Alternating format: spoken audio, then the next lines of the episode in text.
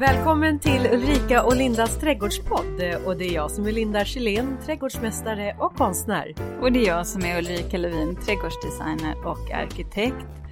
Ämnet för dagen är insynsskydd.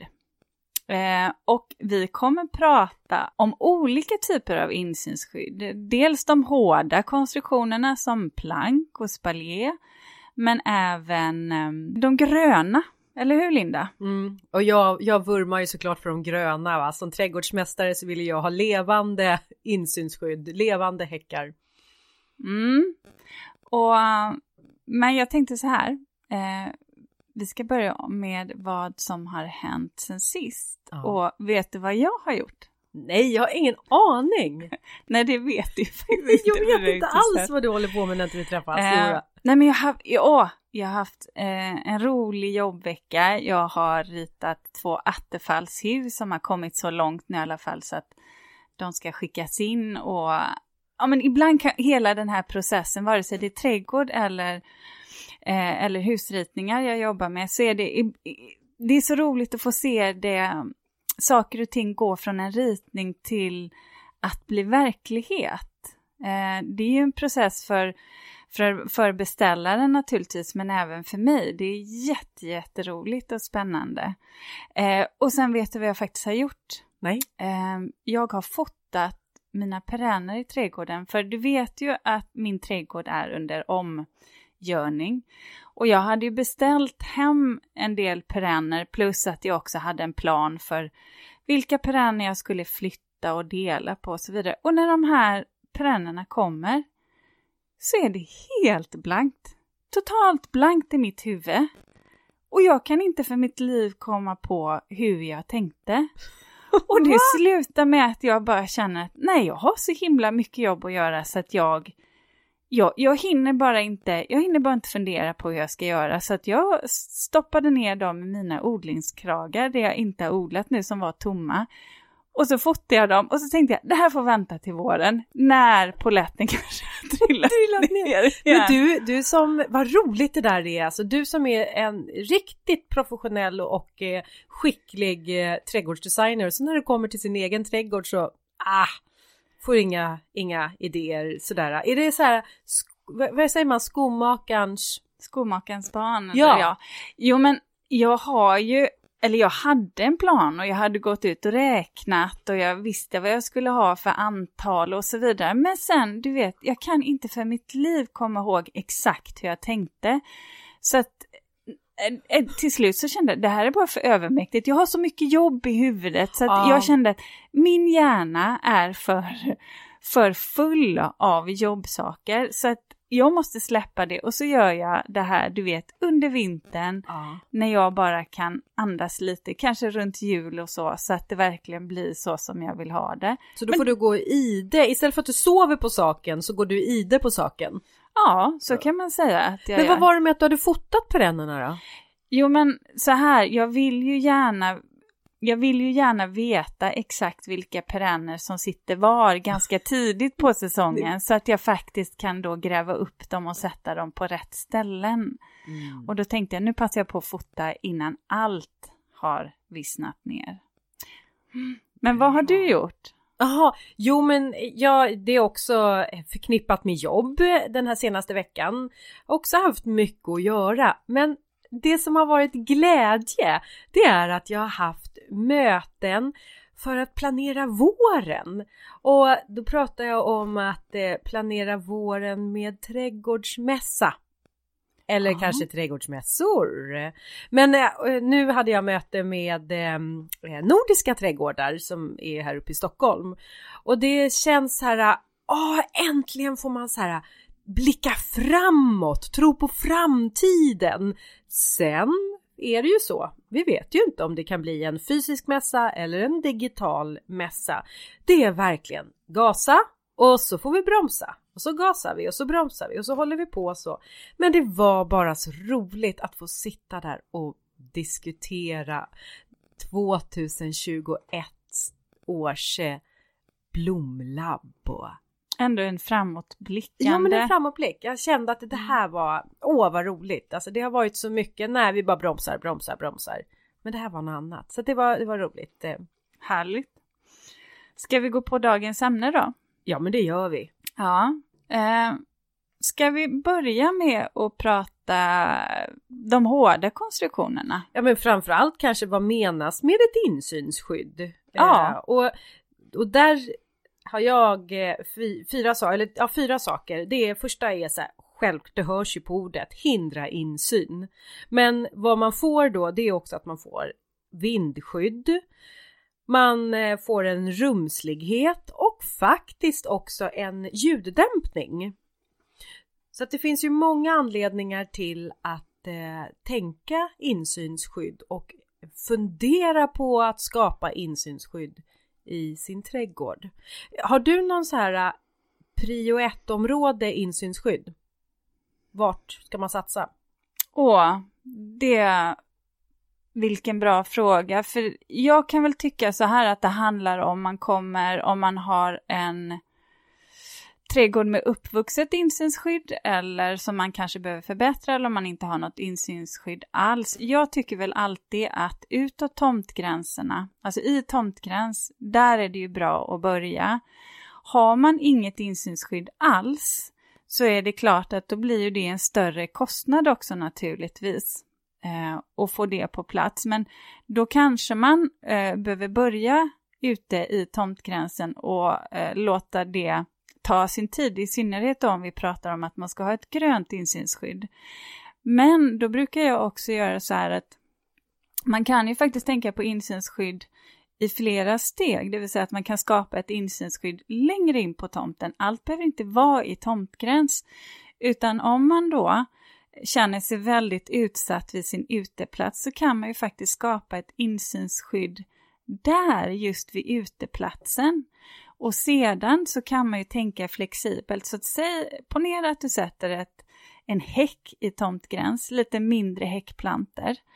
Och sedan så vid din eh, uteplats så kanske du placerar ytterligare en häck eh, som då får vara lite högre så att du kan sitta skyddad tills dess att insynsskyddet i tomtgräns har kommit upp på en höjd som du vill ha. Men då kan man ju också ha valt en häck in vid uteplatsen som man kan klippa ner. Så att då kan man ju då så att säga justera de här höjderna Eh, så att insynsskyddet vid uteplatsen, det kanske så småningom bara blir en låg häck som du kan se över beroende lite på vilka perspektiv du har i din trädgård. Bara för att skapa som en rumslighet också? Ja, mm. verkligen. Eh, för insynsskyddet tycker jag, det är jätteviktigt. Och här får man ju tänka på insynsskydd utifrån olika höjder också.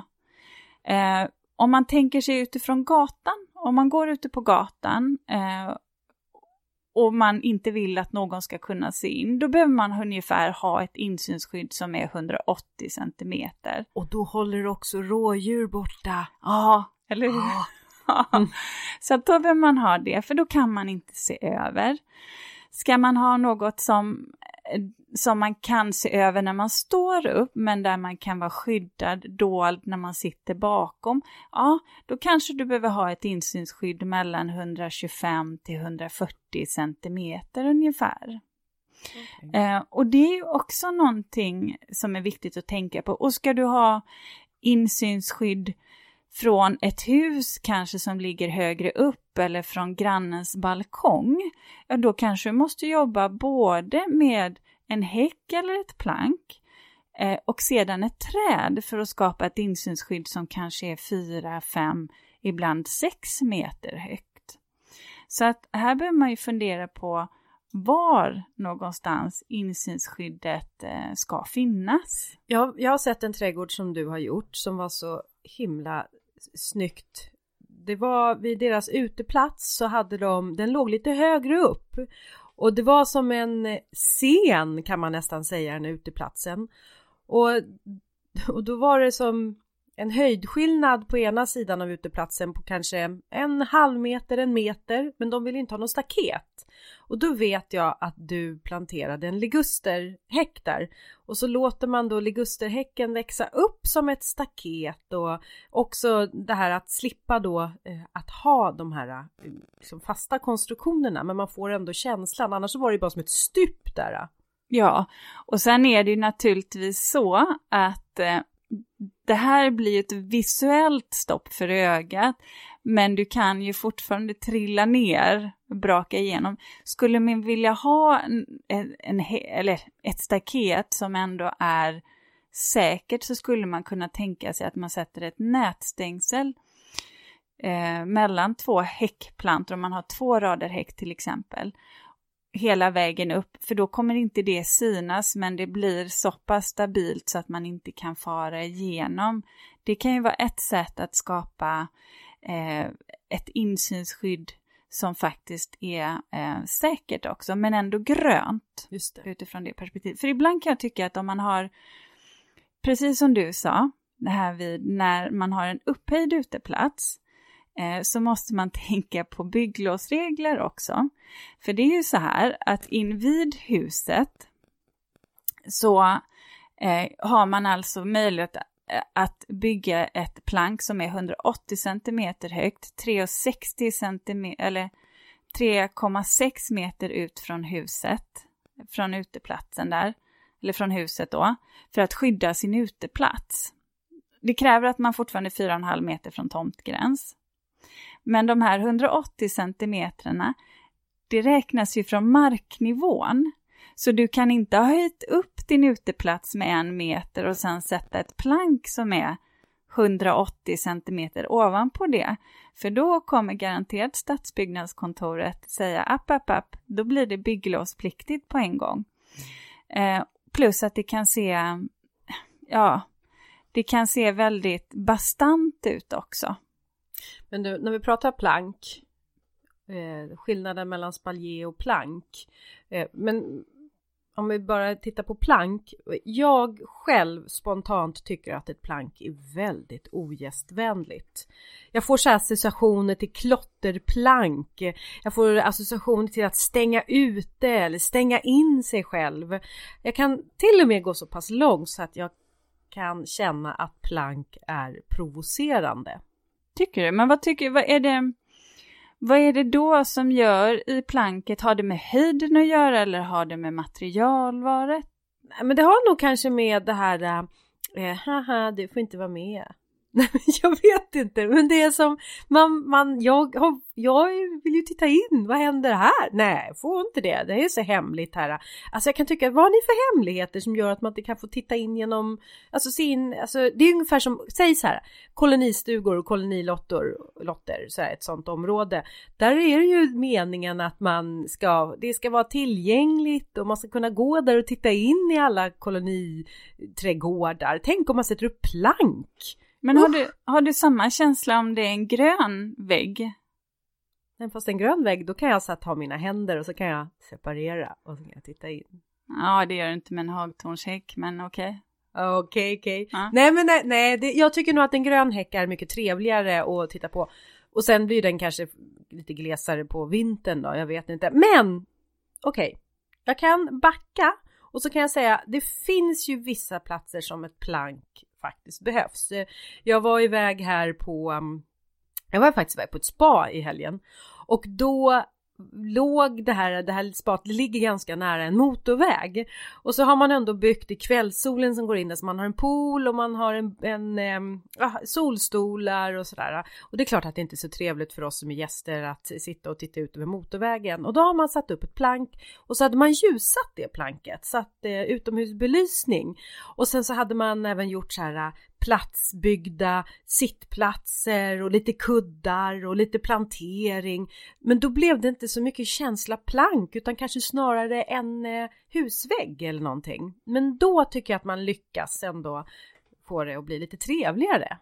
Och jag tror att din åsikt där är en åsikt som många stadsbyggnadskontor delar, det vill säga om vår gemensamma stadsbild om det är någonstans som det är svårt att få igenom ett plank, det är ju faktiskt i tomtgräns ut mot en gata.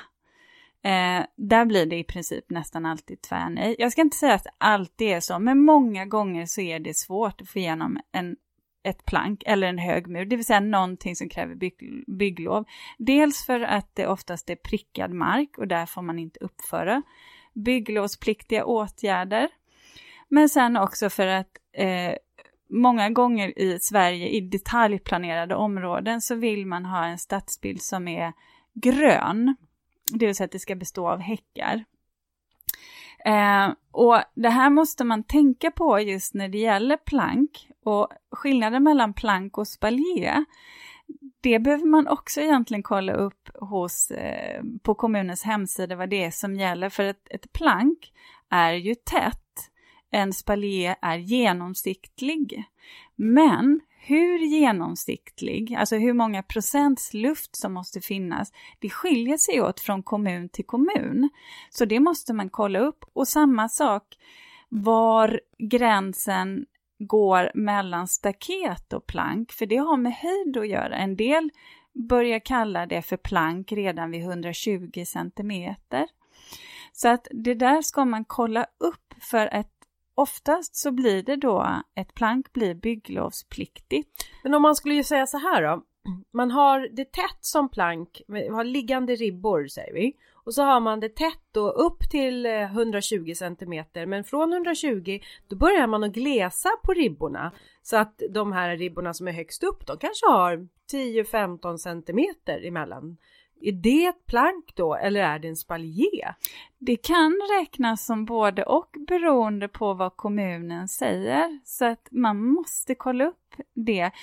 Eh, för jag får oftast, alltså det är många gånger jag kommer ut till kunder och så känner de att eh, de säger, nej men vi sätter upp ett plank här, här i tomtgräns. Och då tänker jag, mm, för det första så kommer stadsbyggnadskontoret ha någonting att säga om det. Sen måste vi läsa detaljplanen eh, vilken karaktär området ska ha. Sen blir det grannhörande. Eh, det är inte självklart att man kan få igenom ett plank. Däremot så upplever jag oftast att det är lättare att få igenom ett plank kanske längre in på tomten än just i tomtgräns och då kan man ju jobba på olika sätt med det. Jag tycker inte att Oh, jag räds egentligen inte plank, för jag kan tycka att det kan bli en fin inramning, att det är någonstans som eh, man kan styra lite visuellt vad man ser inifrån tomten och fr från huset. Jag, jag kan känna att man är sällan, sällan rädd för att se en husvägg eller en husfasad och sen pratar man plank som kanske bara är 180 cm eller 200 cm högt så blir alla åh, panik, panik. Ehm, jag tycker man kan ha ett lite mer avslappnat förhållande till det. Sen kan jag väl också tycka att om man nu väljer en, en plank eller för den delen kanske en mur så ska det väl ändå hänga ihop med eh, husets design. Så om man nu har en falurött målat hus, ja men då kanske man ska välja falurött eller eh, har man ett stenhus då kanske man ska välja en stenmur. Men så kan det vara. Och färgsättningen blir ju också viktig för att det här handlar ju om någonting, det här är ju trots allt en eh, vertikal konstruktion, någonting som syns, vilket gör att det, det ska ju funka, färgsättningen ska ju funka under alla årstider. Och det behöver man ju tänka på för det är ju ett jätte, alltså det är en jättestor skillnad på ljuset Eh, på vintern kontra på sommaren när vi har all grönska och då kan planket upplevas väldigt annorlunda. Då kan ljussättning vara en jättebra eh, lösning för att också göra så att det händer någonting eh, under vintern, självklart. Jag har sett, eh, vi har en, eh, ett par vänner till oss, de har ett plank som är mellan deras tomter i villaområdet. Men de har de ett plank som har åldrats med eh, värdighet. Nej, men det är ett trärent plank och som har blivit, ja men man kan tänka sig som järnvitrol, sådär grånat. Och sen är deras, de här brädorna, de är som naturliga så att man har tagit ett träd och så har man liksom klyvt det så att det är naturliga brädor och inte så här rakt. Och sen så har de då belysning och så är det lite schyssta Eh, rabatter med perenner som har det här planket som en fondvägg. Det kan jag tycka är, oj vad läckert det där är. Ja, men, speciellt på kvällen också. Ja men det blir fint och det här jämtroll är ju, är ju ett sätt att få det här naturligt grånande. Siox är också ett träskydd man kan använda som är kiselbaserat. Då får man det här naturliga gråa. Sen kan jag tycka att man kan jobba med eh, tecklasir också. Eh, då ser man ju träets ådring. Eh, man, får ju, man behöver ju heller inte hålla på och skrapa som när man målar, vilket gör att det håller längre och lättare att bättra på färgen när det har solläckts. Eh, jag kan väl också tycka att det ibland finns anledning att måla sitt plank. Jag har lite svårt för de här planken när man bara smäller upp allt i tryckimpregnerat. Eh, dels för att det är gifter i naturligtvis, men för att jag också tycker att de blir ganska tråkiga i sig. Det är väldigt få som skulle smälla upp tryckimpregnerat virke på sin husfasad jag kan för mitt liv inte förstå varför man gör det på andra vertikala strukturer i trädgården som staket eller som spaljer och som, som plank. Ehm, det är inte ett särskilt vackert virke och det, det kommer bli grått efter ett tag men sen mörknar det ju ganska ofta. Men det är väl det där man är ute efter att det ska vara underhållsfritt och man använder tryckat till altan, ja men okej då använder vi det även till ett plank så att det, det är väl bara så här en enkel, enkelt beslut att ta. Ja, jag tycker man ska välja annat virke till sina vertikala. Eller annat material. Ja! För jag har sett att det är en liten spaning här och jag har eh, sett att det börjar dyka upp väldigt många snygga skärmväggar i korten. Kortenplåt va? Mm. Eh, och de är ju nästan som konstverk. Det kan finnas här eh, i ormbunksblad som man har eh, eh så fräst eller sågat ut och det blir ju också väldiga häftiga skuggeffekter utav det här. Så att där tycker jag att det finns eh, väldigt många snygga annan typ utav och då undrar man ju, alltså behöver man bygglov för sånt? Ja, det har ju återigen med höjden och genomsiktligheten, men så fort det är no någonting tätt Um, glas kan ju vara någonting som är, du vet, en definitionsfråga också. Den var intressant. Mm. Det är tätt men det är ju väldigt genom... genomsiktligt. Ja. ja. Eh, så där behöver man faktiskt eh, prata med sitt stadsbyggnadskontor. Det här är jätteviktigt att kolla mm. eh, innan man smäller upp någonting faktiskt. Eh, en annan typ av avskärmning som man kan ha, det är vad jag är väldigt förtjust i och som jag har flera stycken utav hemma och det är ju sådana här eh, tygmålningar. Ja. Ja, som jag har satt upp, alltså jag, nu målar jag ju mina tavlor och sen så har jag låtit trycka upp dem på. Det är flaggväv som jag har tryckt upp dem på. Då tål det ju både regn och rusk och sol och allt vad det är. Och de har jag satt upp i trädgården för att jag har utsikt över ett sånt där äh, höghusområde från trädgården. Ja, då har jag satt upp de här eh, där, eller en utav dem. Och vips så har jag ju trollat bort då. Och den där tror jag inte att jag behöver något bygglov för. Nej, det får man väl fråga stadsbyggnadskontoret om. Men det är ju inte någonting som är beständigt. Du kan Nej. ju faktiskt plocka ner det. Och jo, det är den låser det. ner ibland ja, också. det är väl jag... det det handlar om ja. också. Eh, men annars tycker jag om eh, eh, en annan typ av insynsskydd. Det är ju pilskärmar som är flätat. Det tycker jag också känns så här, känslan, hantverket. Det gillar jag. Mm. Och det har jag faktiskt jobbat med när jag, en kombination där.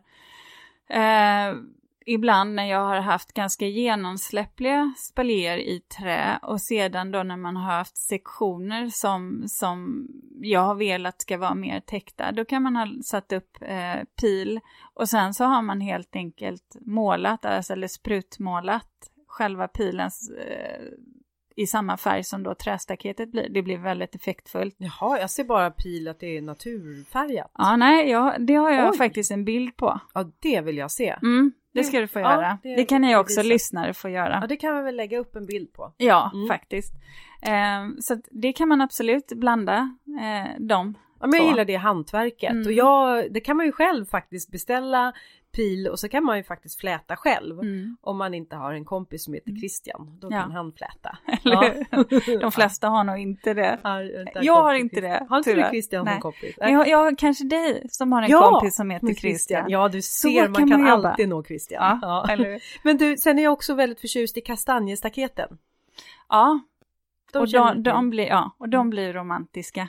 Romantiska, det är så English cottage garden Mm. är det. Men de är också, där funderar jag också på om bygglov för de där är ju så ehm, de är ju fastsatta, man har ju liksom flätat ihop dem med ståltråd.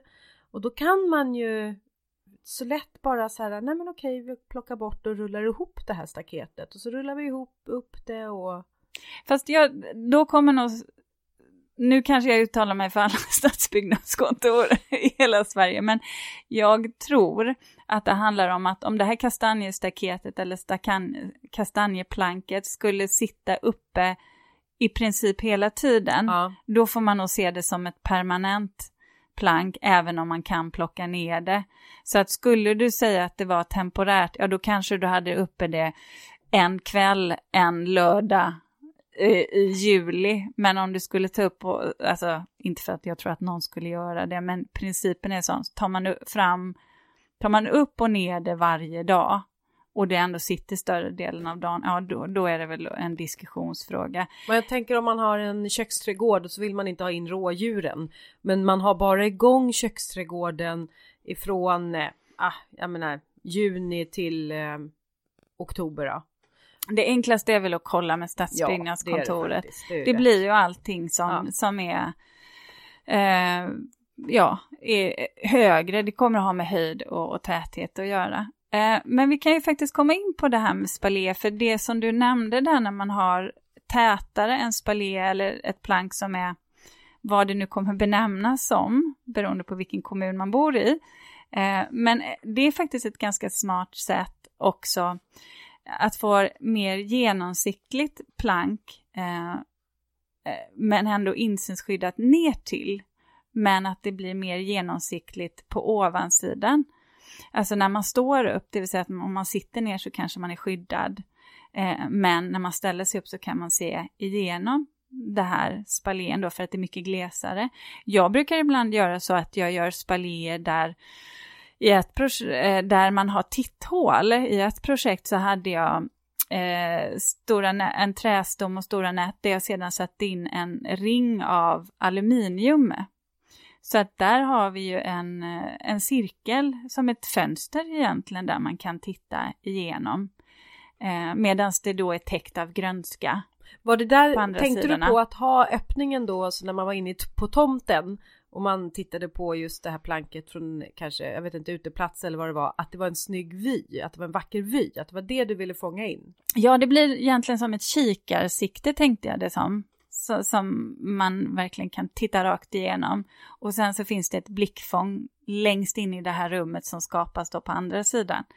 Det är ju också ganska effektfullt och det, det är väl lite det jag menar med insynsskydd, att det handlar ju om, man kan jobba handlar om att skapa perspektiv och då kan man ju också jobba med det inne i trädgården, det vill säga inte bara i tomtgränt utan vad händer på nästa vad, nästa sida om det här planket eller den här spaljén. Vad är det för spännande jag ska hitta då?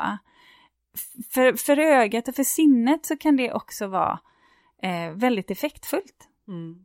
Men apropå spaljer där, du eh, i din trädgård så har ju du spaljer, du har en med eh, eh, eh, vad heter det, såna här eh, armeringsmattor. Armeringsnät ja. Ja, och du Mm. hade någon bra upphängning på det där. eh? Eller Ja, du? ja men det är där att då, då har Lätt jag... att haka loss? Eller Ja, hur? för jag har ju stolpar eh, och så har jag armeringsmattor eh, och sedan så har jag mellan de här stolparna då hängt armeringsnätet och jag har faktiskt varmgalvaniserat det här nätet så att det är ja, men met- metallfärgat, silverfärgat kontra eh, om man bara låter det vara rostigt då. Eh, det kan man ju göra för att få det att se lite snyggare ut. Det blir en snyggare finish om man sätter det mellan stolparna än om man bara trycker på det på Hur har du satt fast det på På stolparna då? Eh, I krokar. Ja, ah, så då har du bara, för det var något så här smart, du bara hängde upp det på ja, krokarna. hängde upp det. Och sen så får man ju ändå förankra det neråt eller åt sidorna. För att annars så kommer ju det här, när det gunga. blåser, ja, bli en gunga. Framförallt då eftersom jag har björnbär på.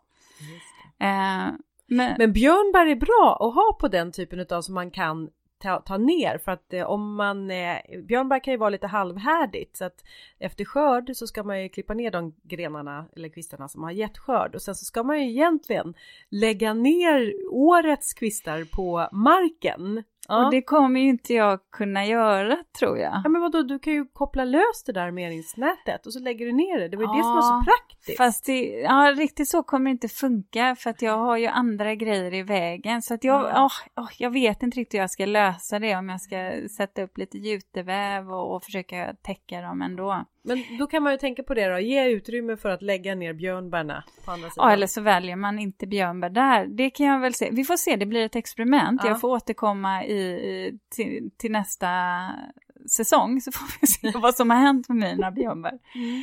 Eh, men annars så måste jag säga att nät är ju ett jättebra sätt att jobba med eh, insynsskydd på. Vilket typ av nät då? Ja, men det kan vara eh, sådana här flätverksstängsel eh, eller armeringsnät. För de är ju genomsiktliga så de kommer alla gånger gå som en eh, spaljé. De kan du ju sätta egentligen på vilken höjd som helst eftersom de är så genomsiktliga. Och sen kan du ju låta någonting grönt klättra upp på dem. Antingen vintergrönt då, om du har som urgröna till exempel, på ett lite skuggigare läge. Och då är det viktigt att det är av metall, inte en träspaljé, utan vi pratar verkligen nätstängsel nu. Men även, eh, tar du vintergrön så blir det ju en, en skyddande eh, barriär även vintertid. Ehm, om, om du inte är, har det för soligt eller blåsigt naturligtvis. Man måste ju alltid tänka på läget. Ja. Det, det är som mur, för murgröna specifikt eftersom det är en växt som inte trivs i gassande sol utan som vill vara lite halvskugga. Och murgröna tycker jag är så bra för att de finns ju nu också att köpa som färdiga växtväggar. Så att man bara kan beställa. Ja, men jag vill ha en och en halv meters växtvägg här. Och så får man det färdigt och klart. Precis. Den är halvskugga. Ja, eh, och där kan man ju faktiskt, det, där kan man faktiskt nyttja det som, eh, man kan ju också göra skärmväggar bara för tillfälliga insynsskydd på hjul och sådär som man kan flytta just av murgröna eller eh, ja, andra klätterväxter också för den delen. Då ska man bara, tänka på att det här handlar om att det blir ganska tungt för man behöver ha ett jorddjup som funkar eh, så att växterna inte fryser under vintern. Men du hade ju vildvin eh, Ja. hemma hos dig. Det är ju också en vacker växt. Eh, Mm. Blir frodigt grön. Absolut. Pipranka tycker jag om. Mm. Jag tycker om kameleontbusken. Inte jag så förtjust i. Inte det? Nej, Tycker du att den är för rörig eller i sina ja, färger? lite, ja. Ja. ja, i och för sig den kan vara fin. Det beror på lite om du får hitta en han eller honplanta. Ja. Ja. Ja, men- eh, Eh, men eh, vad ska vi säga mer då? Jo men jag kan säga klimat, klimatis eller klimatis. Eh, och där har vi väl den, Ja, Paul. Farges. Paul Fardy, Summer Snow. Ja. Ja, den är ju bara Ja, den är ju så bra för att även om du inte kan gräva rakt ner i backen och plantera den i jorden så planterar den i en kruka och den överlever allt. Det, och det är ju verkligen det den gör Mm. och den tar sig väldigt fort så att vill man ha ett snabbt insynsskydd så är ju den bra. Sen finns det ju andra klematis som är kanske, som har lite mer uttrycksfulla blommor, Ja. den italienska till exempel. Jag gillar en lila blommande properitis heter den. Mm. Den, och den blommar både på tidigt, tidigt på våren. Sådär, när vårlökarna blommar så blommar den här ljus, mild lila. Men sen så på sensommaren då kommer den igång igen med en andra blomning. Och den är inte så... om man säger att Summer Snow den är ju helt vräkig. Den är ju så här så att man ångrar ju sig nästan, nästan att man planterade då två stycken bara för att man ville få upp en schysst grön vägg kvickt. Men efter fem år då insåg man att det hade räckt med en planta. En halv planta hade räckt till och med. Ja, ja, men det finns ju många fina klematis att använda. Och det här är ju ett sätt att jobba med en kombination av ett hårt material och det gröna.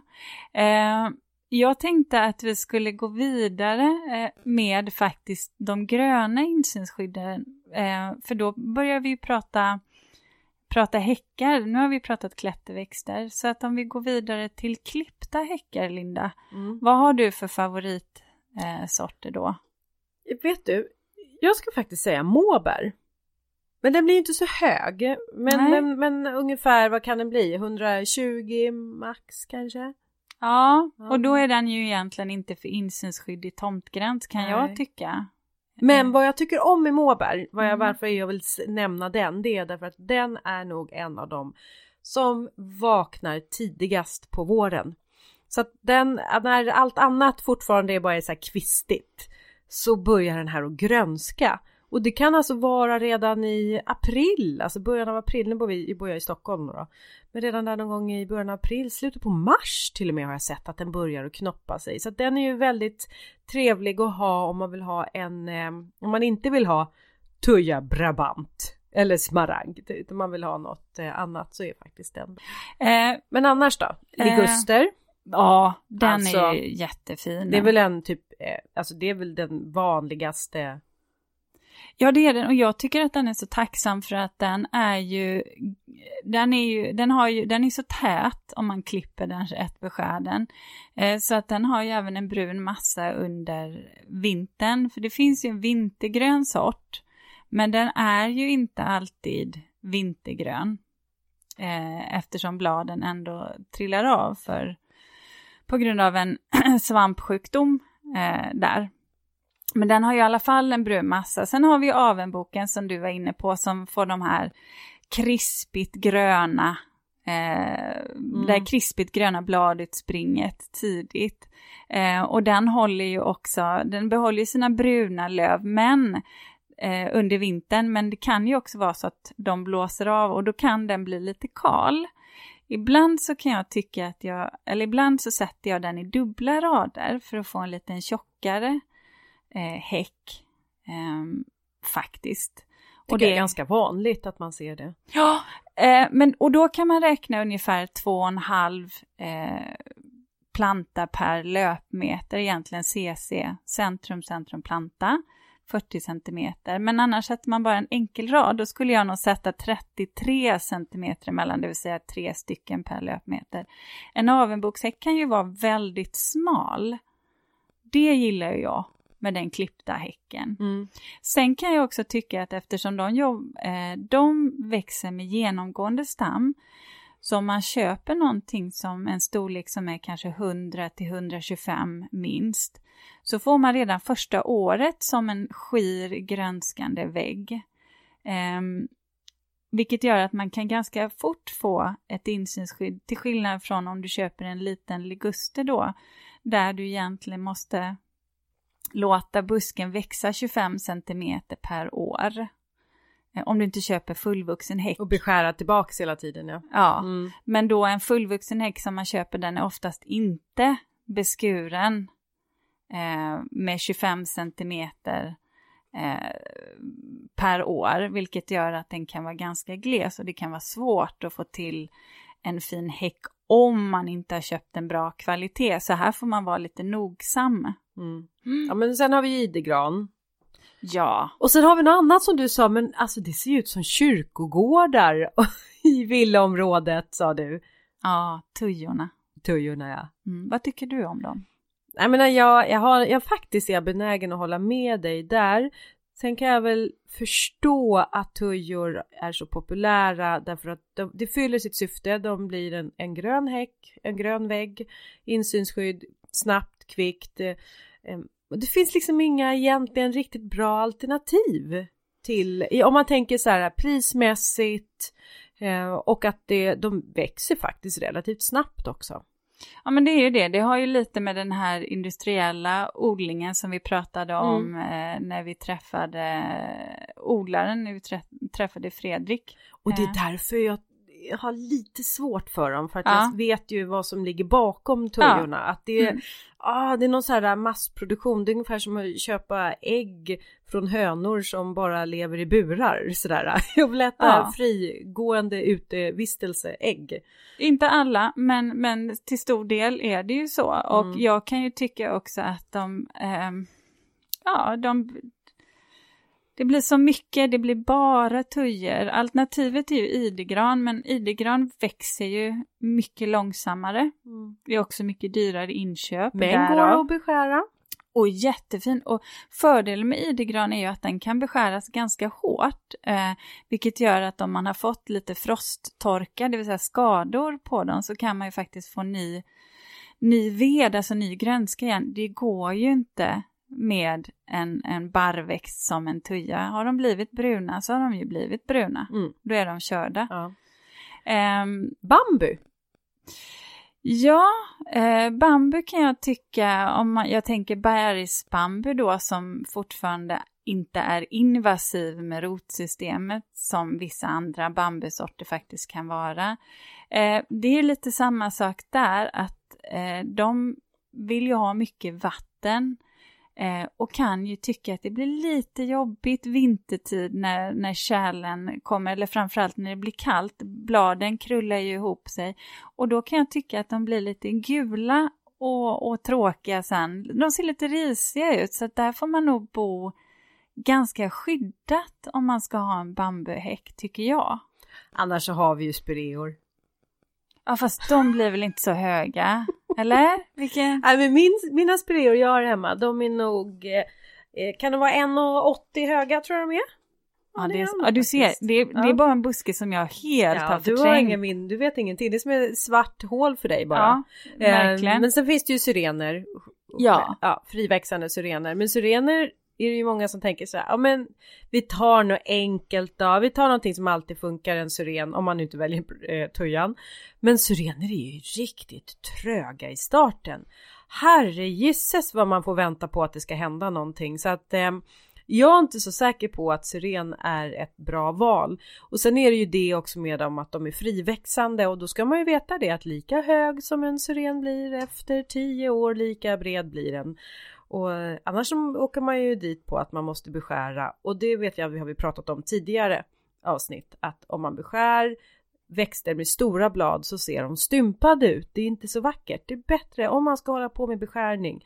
Satsa på växter som har små blad där man inte ser att man har klippt de här bladen. Ja, för insynsskyddet blir ju viktigt också för det är oftast utrymmesskäl. Har du, har du en stor tomt så ja, då kan du ju ha friväxande buskar som tar lite yta. Men har du mindre tomt då måste man ändå tänka på hur mycket yta man har. Sen är ju syrener har ju ett ganska törstigt rotsystem så de kommer ju påverka all plantering som du sätter i närheten. Och så slår de rotskott. Ja, och plus att jag tycker att sirener har ju ett lite mer vasformat växtsätt vilket gör att de blir ofta lite glesa ner till och vill man ha insynsskyddet där eller ett jämnt insynsskydd hela vägen, då är ju inte sirener optimala. Då får man ju nästan sätta något i framkant också. Sen tycker jag att de här äh, insynsskydden, vi pratar nu häckar igen, eller överhuvudtaget, att man som du säger, man vill ha smala sådana, då är det ju formklippt och jag tycker också att de är så lämpade för att ha som fondväggar eller väggar. Och en fondvägg vill man ju kanske att den ska vara lite neutral ja. så att man kan plantera då rabatter eller prydnadsträdet eller vad man nu har emot fondväggen så att man lyfter fram de här växterna så att man använder sig utav den här insynsskyddet som eh, Eh, att det blir en lugn en, en lugn del av trädgården. Ja, jag håller med dig. Eh, sen kan man ju skapa faktiskt insynsskydd av perenner också invid en uteplats. Eh, och det beror ju på vilken sort och stil naturligtvis. Men jag jobbar ibland med eh, gräs, höga gräs, som, eh, vad är det, kallar man grostis. Eh, tuvröret. Ja, tuvröret. Eller de japanska eh, gräsen, miscanthus. Ja. Eh, det man ska tänka på då, det är ju att väljer man ett gräs som till exempel miscanthus, det japanska gräset som kommer igång ganska sent på säsongen, då har man ju inget insynsskydd i början av sommaren. Eh, vill man ha ett gräs som då kommer lite tidigare, då kanske man ska ta tuvröret till exempel som, som kommer upp ganska snabbt. Ehm, det beror ju lite på vad man ska få för känsla. Ehm, och samtidigt då, ett eh, japanskt gräs håller sig ju även under eh, vintern till viss del.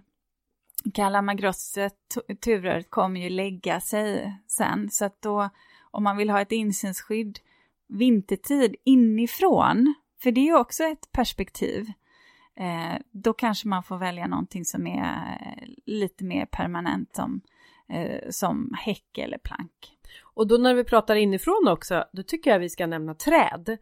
För man kanske inte vill ha insyn rakt in i äh, menar, köket, vardagsrummet, sovrummet och då strategiskt placera ett eh, silverpäron kanske eller en någon boll, bollformad, eh, jag vet inte, pil eller ah, vad det nu är för någonting som vars lövkrona då blir som en blockering och då hindrar för insyn även om vi är på andra våningen. Och det tycker jag är ett jättesmart knep att jobba med det, för då jobbar man ju med, man kan ju tänka sig om man placerar det här trädet antingen ja, inne på tomten, för det blir det bästa insynsskyddet, eller om man trycker det ut mot sin tomtgräns och så har man kanske en häck eller ett plank där, så kan man ju då helt plötsligt få ett insynsskydd som är flera meter högt. Det man ska tänka på, tycker jag, när man placerar träd som insynsskydd. Dels så kan man ju faktiskt fundera på sina grannar.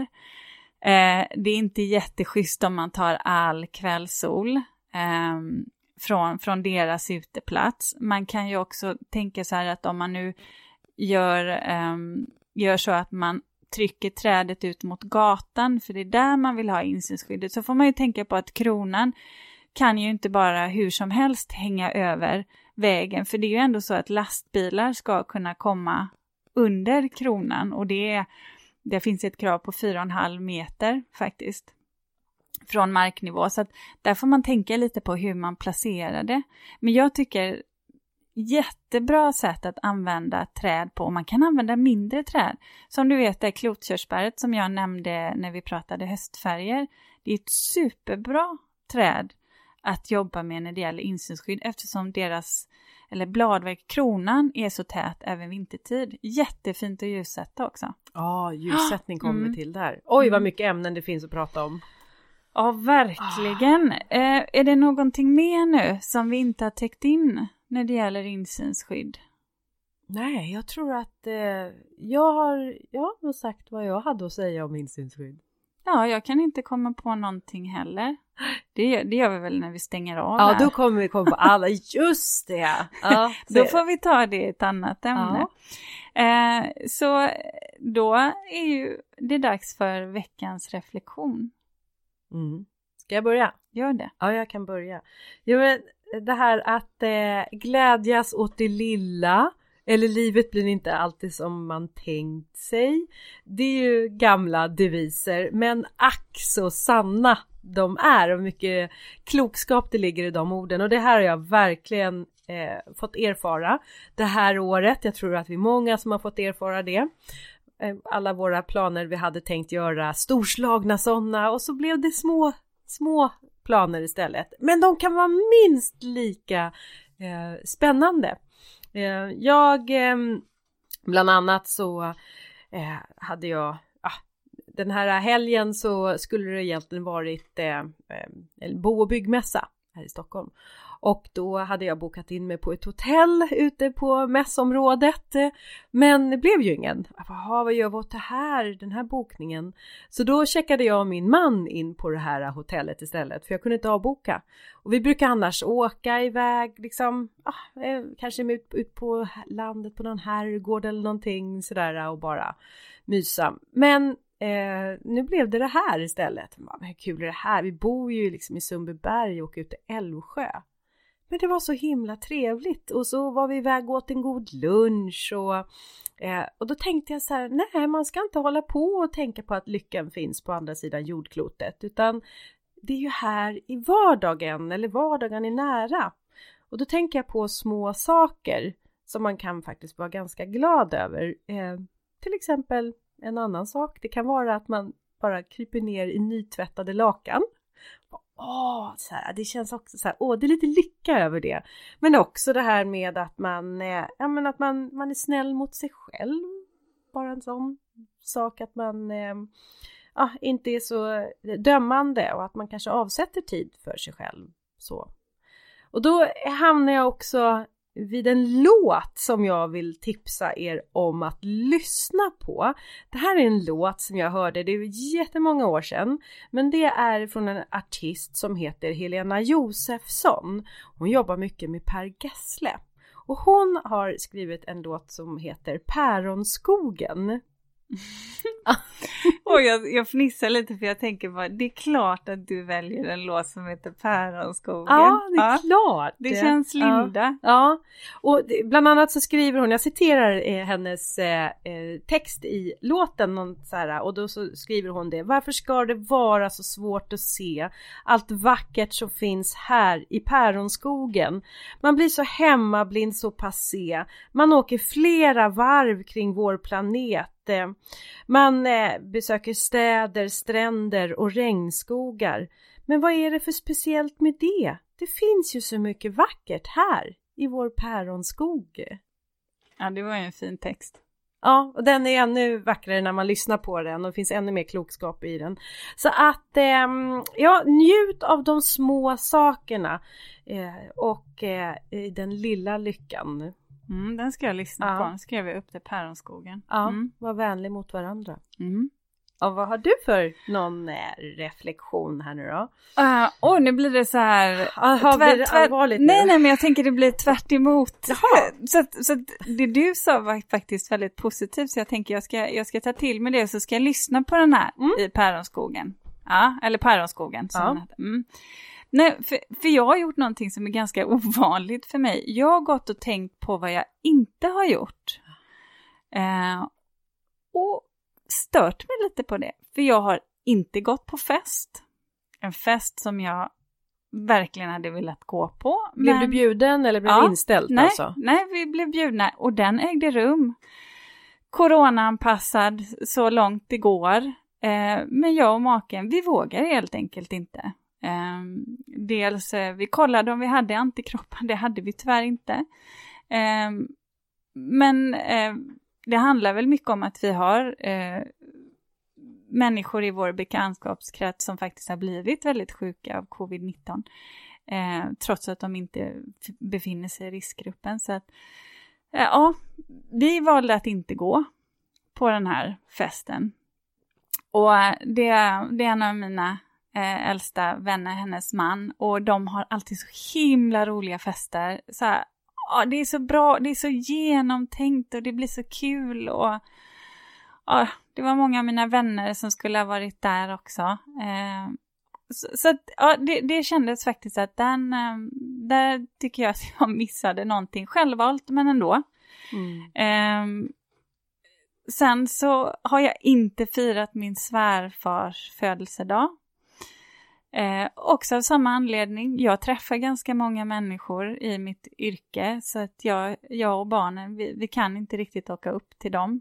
Eh, det blir maken som får åka själv och jag tycker det är så sorgligt för jag känner att eh, jag känner någonstans att den här situationen, det stjäl tid från mig. Alltså min tid med dem tas ifrån mig. Sen, det spelar ingen roll om det är telefonsamtal eller Skype eller Facetime eller vad man än har. Det blir inte riktigt samma sak. Eh, och de ändå, mina vänner räknar jag ändå med att jag kommer se.